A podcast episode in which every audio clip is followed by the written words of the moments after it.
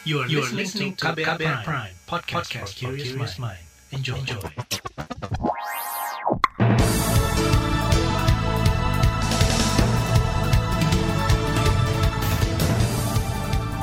Halo, selamat pagi saudara.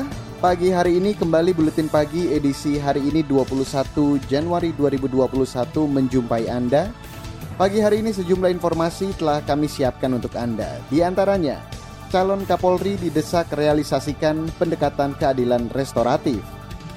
Pemberlakuan pembatasan kegiatan masyarakat kemungkinan akan diperpanjang dan Pemprov Jabar kaji penyebab banjir bandang di Bogor. Bersama saya Reski Mesanto, inilah Buletin Pagi selengkapnya. Terbaru di Buletin Pagi. Kita mulai Buletin Pagi hari ini, Saudara calon Kapolri Listio Sigit Prabowo berjanji bakal membangun Polri menjadi prediktif, responsibilitas dan transparansi, berkeadilan atau konsep presisi jika terpilih menjadi penerus Idam Aziz. Hal ini disampaikan Listio saat uji kelayakan dan kepatutan di hadapan anggota Komisi Hukum DPR kemarin. Listio menjelaskan salah satu penjabaran dari konsep itu adalah dengan melakukan pendekatan keadilan restoratif atau restoratif justice.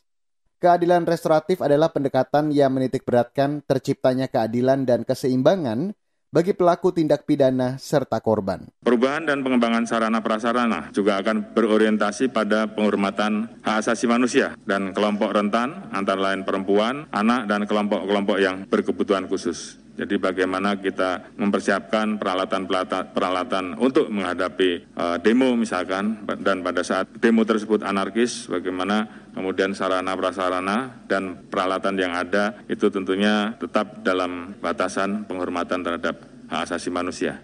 Calon Kapolri Listio Sigit Prabowo juga berjanji akan melakukan pendekatan hukum yang humanis atau soft approach, tidak mencari kesalahan, tidak mengutamakan kekerasan dan tidak ada lagi penanganan kasus yang tebang pilih. Listio akan menguatkan fungsi pengawasan baik internal, eksternal maupun melalui pengaduan daring. Listio Sigit Prabowo merupakan calon tunggal Kapolri yang diajukan Presiden Joko Widodo menggantikan Idam Aziz yang akan pensiun pada 1 Februari 2021. Sementara itu, saudara, sejumlah anggota Komisi Hukum DPR mengapresiasi janji dan program calon Kapolri Listio Sigit Prabowo. Namun, mereka juga memberi catatan dan kritikan kepada kepolisian, semisal soal peristiwa kekerasan dan dugaan pelanggaran hak asasi manusia yang dilakukan anggota polisi.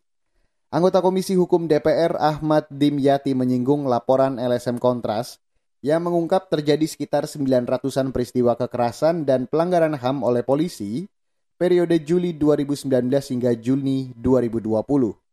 Dimyati juga menyoroti dugaan pelanggaran HAM oleh polisi atas tewasnya empat simpatisan Front Pembela Islam atau FPI.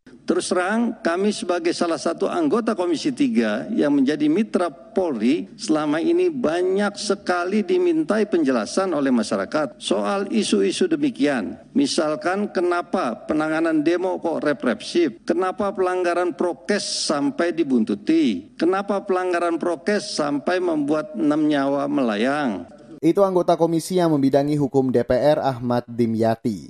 Komisi yang membidangi hukum DPR lainnya, Sarifudin Suding, juga menyinggung penggunaan kekerasan dan penahanan sewenang-wenang oleh Polri.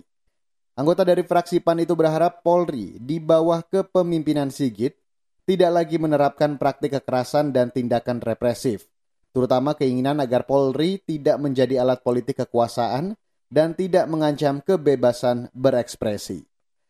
Saudara, LSM Komisi untuk Orang Hilang dan Korban Tindak Kekerasan atau Kontras meminta calon Kapolri Listio Sigit Prabowo benar-benar menjalankan keadilan restoratif atau restoratif justice saat menjabat. Namun Wakil Koordinator Kontras Rifan Lee Anandar mendesak agar restoratif justice tidak dimaknai sebagai upaya damai kepolisian demi menyelesaikan sebuah perkara. Selain itu, ia juga mendorong Listio mengusut tindak pidana yang diduga dilakukan anggota kepolisian demi keadilan bagi korban.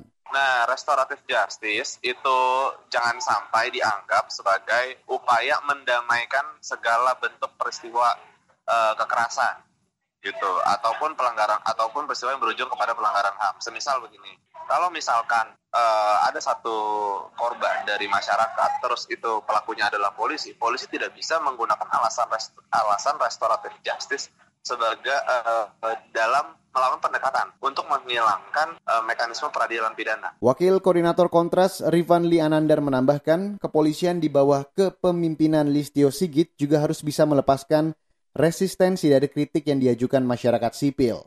Kata dia, hal itu menjadi momok utama Polri di periode sebelumnya.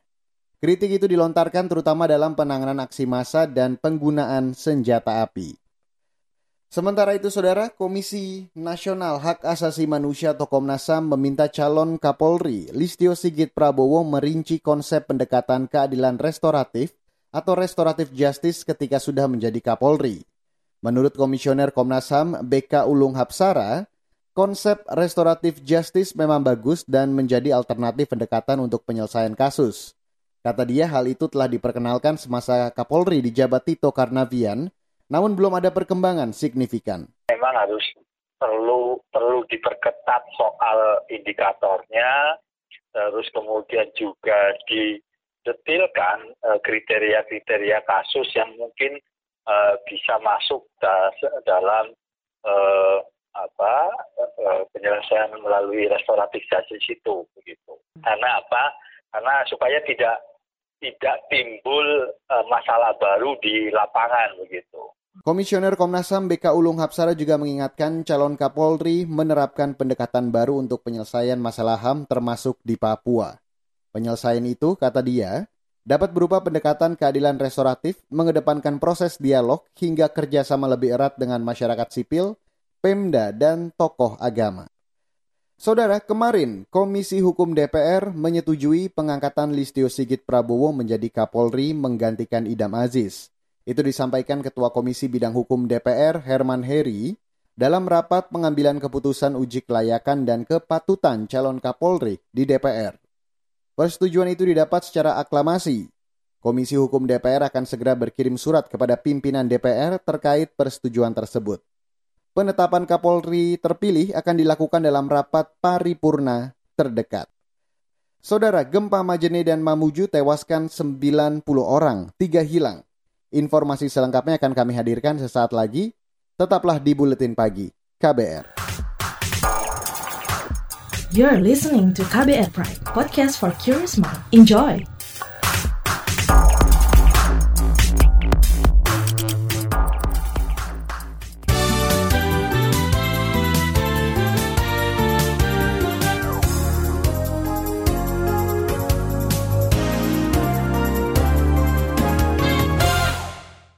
Saudara Presiden Joko Widodo memerintahkan Kementerian Perhubungan mengutamakan keselamatan penumpang pesawat dengan memeriksa dan mengecek seluruh armada.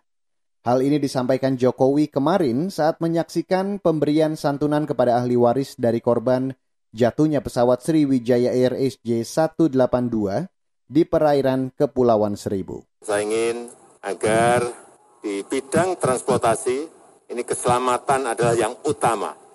Oleh sebab itu, saya minta segera ditindaklanjuti baik oleh KNKT maupun oleh perhubungan, terutama pemeriksaan dan pengawasan terhadap pesawat-pesawat yang akan terbang demi keselamatan masyarakat, demi keselamatan penumpang. Itu tadi Presiden Joko Widodo. Sementara itu, saudara, hingga hari ke-12, Tim gabungan telah mengumpulkan ratusan kantong bagian tubuh korban dan serpihan pesawat Sriwijaya Air SJ182 di perairan Kepulauan Seribu, Jakarta. Tim gabungan juga masih mencari rekaman percakapan kokpit atau CVR, sementara rekaman data penerbangan atau FDR telah ditemukan. Sekarang saya ajak Anda untuk mengupdate informasi seputar gempa di Mamuju dan Majene, Sulawesi Barat. Saudara Badan SAR Nasional atau Basarnas menyatakan tiga orang korban gempa di Sulawesi Barat hilang. Kepala Operasi Basarnas Sulbar Fatur Rahman menjelaskan, beberapa pertimbangan yang menyatakan tiga orang tersebut hilang. Di antaranya struktur geologis tanah yang tidak stabil, adanya gempa susulan kecil di lokasi yang dapat membahayakan tim evakuasi, serta tidak ditemukan wujud korban. Nah, ini korban dinyatakan hilang berdasarkan dengan proses evakuasi yang telah dilakukan selama lima hari. Kepala Operasi Basarnas Sulbar Fatur Rahman tidak menemukan tambahan korban jiwa dalam operasi pencarian korban gempa di Mamuju dan Majene kemarin. Kata dia total ada 90 orang meninggal akibat gempa yang terjadi pada pekan lalu. Kita beralih ke informasi lain, saudara pemberlakuan pembatasan kegiatan masyarakat atau PPKM bakal diperpanjang jika hasil pemantauan dan evaluasi pelaksanaan dinyatakan kurang baik. Kepala Staf Kepresidenan Muldoko menyatakan, pertimbangan perpanjangan PPKM merujuk kepada perkembangan situasi saat pemberlakuan PPKM. Bukan berarti dua minggu itu selesai, ya itu poinnya bukan di situ. Tapi selama dua minggu inilah sebuah upaya keras untuk menurunkan. Nah nanti kalau dalam dua minggu itu e, ternyata tingkat kesadaran masyarakat belum tinggi, disiplinnya semakin dari semakin menurun dan seterusnya maka pasti ada langkah-langkah berikutnya yang sifatnya sama ya bagaimana pembatasan itu. Itu tadi Kepala Staf Kepresidenan Muldoko. Sebelumnya, pemerintah menerapkan PPKM di beberapa daerah di Jawa Bali yang dimulai pada 11 hingga 25 Januari 2021. Namun sepekan pemberlakuan PPKM, kasus di dua pulau tersebut belum menurun. Padahal kebijakan ini diterapkan untuk menekan penularan kasus COVID-19 di Jawa dan Bali. Saudara Komisi Pemberantasan Korupsi atau KPK mengklaim terus mencari tersangka dugaan korupsi yang masih buron Harun Masiku. Harun Masiku adalah salah satu dari tujuh buronan KPK yang masih belum tertangkap. Juru bicara KPK Ali Fikri menyatakan, salah satu upaya di antaranya memeriksa saksi-saksi yang memiliki hubungan kekerabatan dengan bekas caleg dari PDI Perjuangan tersebut. Bahwa dari tahun 2017 sampai dengan 2020 ada 10 orang e, tersangka e, di KPK yang berstatus DPO dan uh, khusus di tahun 2020 yang lalu telah dilakukan penangkapan tiga orang yaitu Nur Hadi, kemudian Reski Herbiono dan Hendra Sunyoto yang perkaranya saat ini uh, masih berproses di Pengadilan Tindak Pidana Korupsi di Pengadilan Negeri Jakarta Pusat. Juru bicara KPK Ali Fikri mengatakan, KPK juga menggandeng kepolisian untuk mencari Harun Masiku. KPK juga berharap partisipasi masyarakat jika melihat tersangka yang sudah masuk dalam daftar pencarian orang atau DPO kepolisian. Harun Masiku buron sejak akhir Januari 2020. Harun merupakan tersangka kasus dugaan suap pergantian antar waktu anggota DPR periode 2019-2024. Kasus itu menyeret bekas anggota KPU Wahyu Setiawan. Beralih ke berita ekonomi, saudara, pedagang daging sapi di sejumlah daerah mogok berjualan sejak kemarin hingga Jumat mendatang. Aksi itu dilakukan sebagai protes mahalnya harga daging di rumah pemotongan dan di perusahaan penggemukan sapi, yakni sekira Rp115.000 per kilogram. Dan saat ini harga daging di konsumen sudah tembus Rp130.000 per kilogramnya. Sementara itu, Ketua Umum Asosiasi Pedagang Daging Indonesia atau Abdi Asnawi mengungkapkan, Kementerian Perdagangan bakal memberikan izin impor sapi dari Meksiko dan Australia. Hal itu dilakukan dalam rangka stabilisasi harga daging sapi di Indonesia. Sebab melambungnya harga komoditas tersebut membuat pedagang mogok jualan. Selain itu, kantor staf kepresidenan juga membuka peluang dialog untuk membahas kenaikan harga daging sapi di pasaran. Kita beralih ke berita pelantikan Presiden Amerika Serikat Joe Biden. Saudara, Presiden dan Wakil Presiden Amerika terpilih Joe Biden dan Kamala Harris dilantik jelang dini hari tadi waktu Indonesia. Pelantikan Joe Biden berlangsung di tengah ancaman kekerasan dari kelompok pendukung Presiden Amerika sebelumnya, Donald Trump. Pelantikan keduanya juga berlangsung di tengah pandemi COVID-19. Dan sebelum inaugurasi, Biden dan Harris menyempatkan datang ke Lincoln Memorial untuk memberikan penghormatan kepada lebih dari 400 ribu nyawa orang Amerika yang meninggal karena COVID-19. Beralih ke berita olahraga, saudara, 10 wakil Indonesia berhasil melangkah ke babak 16 besar turnamen badminton Thailand terbuka kedua 2021. 6 wakil lolos pada Selasa dan 4 wakil lain lolos pada Rabu kemarin. Kemarin ada 10 wakil Indonesia yang bertanding di babak 32 besar. 4 menang dan 6 di antaranya gagal. Salah satunya ganda campuran Praven dan Melati yang sebelumnya menjuari Thailand terbuka pertama akhir pekan lalu. Keduanya kalah oleh pasangan Prancis Tom Gikwell dan Delvin Delru dengan skor 2-1. Saudara, kompetisi Liga 1 dan Liga 2 2020 resmi dibatalkan PSSI. Keputusan itu diambil berdasarkan rapat Komite Eksekutif atau Exco PSSI yang berlangsung secara virtual kemarin. Mengutip situs resmi PSSI, Ketua Umum PSSI Muhammad Iriawan mengatakan pembatalan demi COVID-19. Diputuskan pula tidak ada juara dan tim yang terdegradasi pada Liga 1 dan 2 musim 2020 sebab laga baru berjalan tiga pekan. Selain itu, peserta kompetisi musim 2021 adalah tim dari musim 2020. Sementara untuk kontrak pemain, akan diatur klub mengacu kebijakan kondisi kahar sesuai kontrak masing-masing. Saudara, laporan khas KBR tentang pandemi dan dampak pada kesehatan mental siswa akan segera kami hadirkan sesaat lagi. Tetaplah di Buletin Pagi KBR. You're listening to KBR Pride, podcast for curious mind. Enjoy!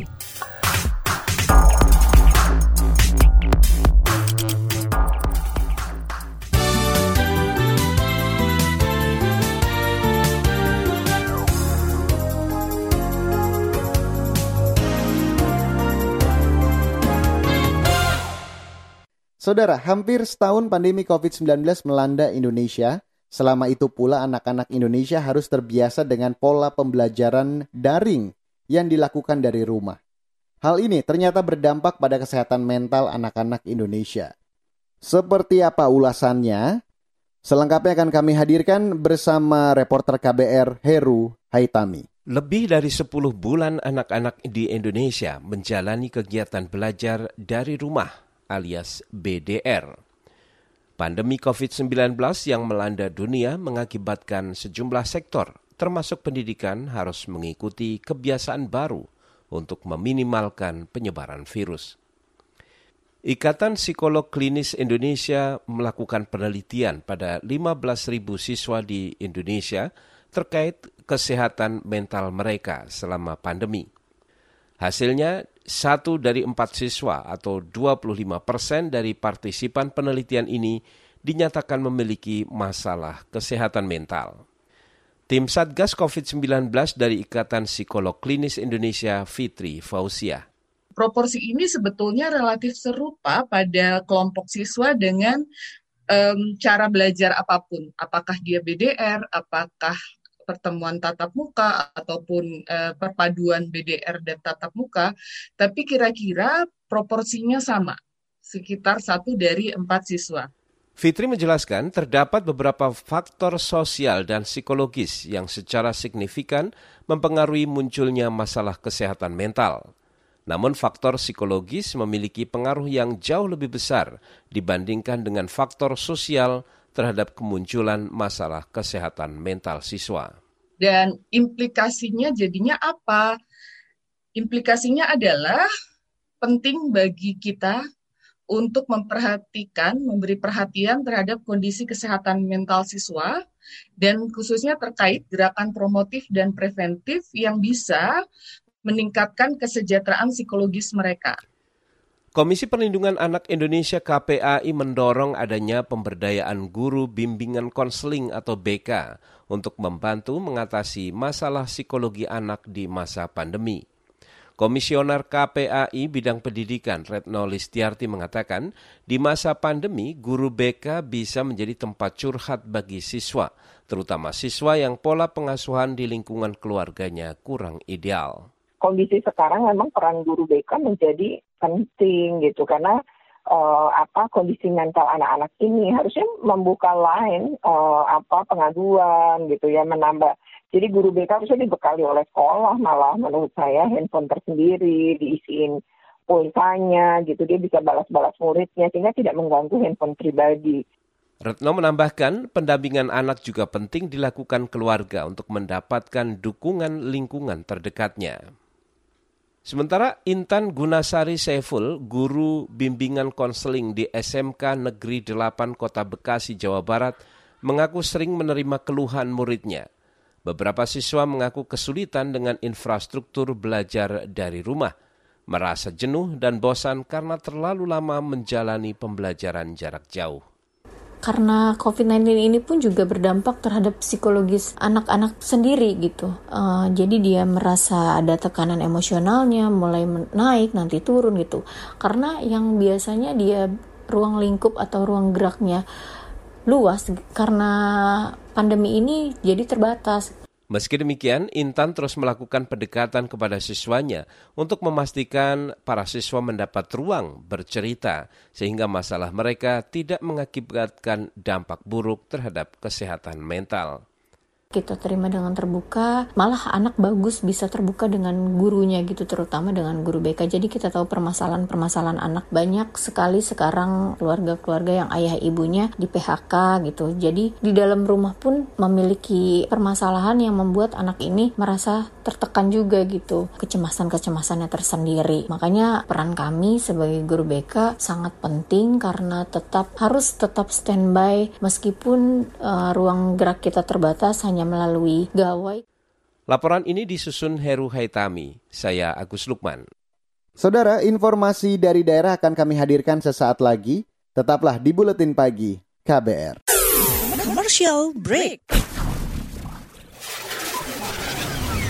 Psikolog Tiffany Chandra menjelaskan ciri-ciri orang tua toksik karena ini kan toksik dan tidak toksik agak susah ya yeah. bagi kita untuk membedakan terutama di budaya kita yang nggak boleh tuh kayak melawan orang tua. Memang kita yeah, tuh yeah. dari kecil dibiasakan orang tua soal benar. Memang kita udah terima itu sebagai suatu fakta. Betul, nah sulitnya bagi kita membedakan itu sehingga kebanyakan yang punya orang tua toksik tapi nggak sadar bahwa secara emosional mereka sudah di abuse karena mereka taunya memang yang namanya orang tua ya kayak gitu selalu benar. Yang salah pasti anaknya. Itu yang dikhawatirkan nanti nanti pasti pembelaannya ya kalau mama atau papa nggak sayang sama kamu nggak mungkin lah kamu disekolahin nggak mungkin lah dibeliin macem-macem gitu. Hmm. padahal mungkin secara emosional mereka memang mendapatkan abuse.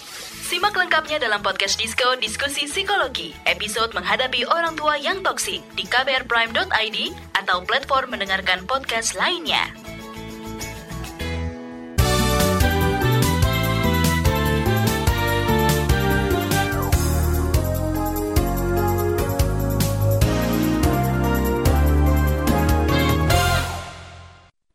Dan inilah bagian akhir dari buletin pagi hari ini.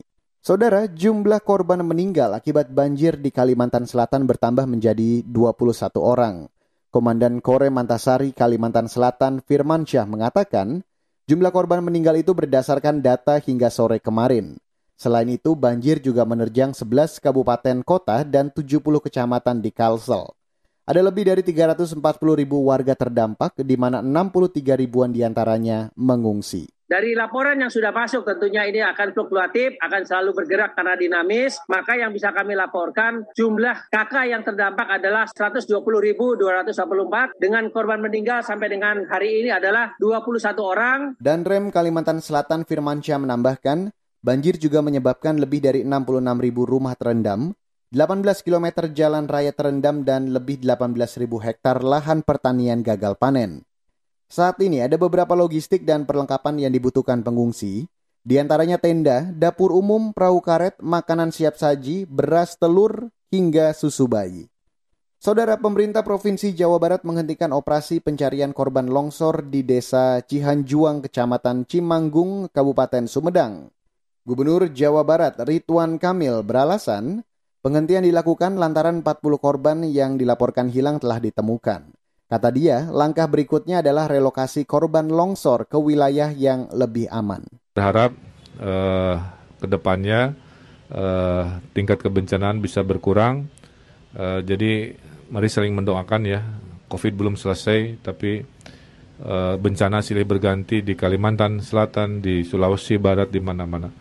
Titip uh, agar kewaspadaan dan saya sudah perintahkan Pemkot Pemkap untuk mengevaluasi uh, hadirnya eh, rumah-rumah di lahan yang berbahaya. Sementara itu, Saudara Kepala Kantor SAR Bandung Deden Ridwansyah menyatakan timnya siap kembali terjun apabila ditugaskan kembali mencari korban berdasarkan laporan kehilangan anggota keluarga. Dan saat ini penanganan darurat bencana masih diberlakukan mulai 9 hingga 29 Januari 2021.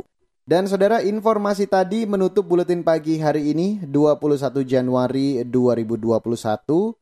Jangan lupa untuk selalu mengupdate informasi terbaru setiap jamnya di kabar baru, situs kbr.id, Twitter kami di account at berita KBR, serta untuk Anda yang tertinggal buletin pagi pagi ini, jangan lupa untuk mendengarkannya kembali di podcast kbrprime.id. Untuk Anda yang beraktivitas di luar rumah hari ini, jangan lupa untuk selalu menerapkan protokol kesehatan 3M, menggunakan masker, mencuci tangan, dan menjaga jarak. Tetap sehat selalu di mana pun Anda berada. Saya Reski Mesanto mewakili tim redaksi yang bertugas pagi hari ini. Kami undur diri. Salam.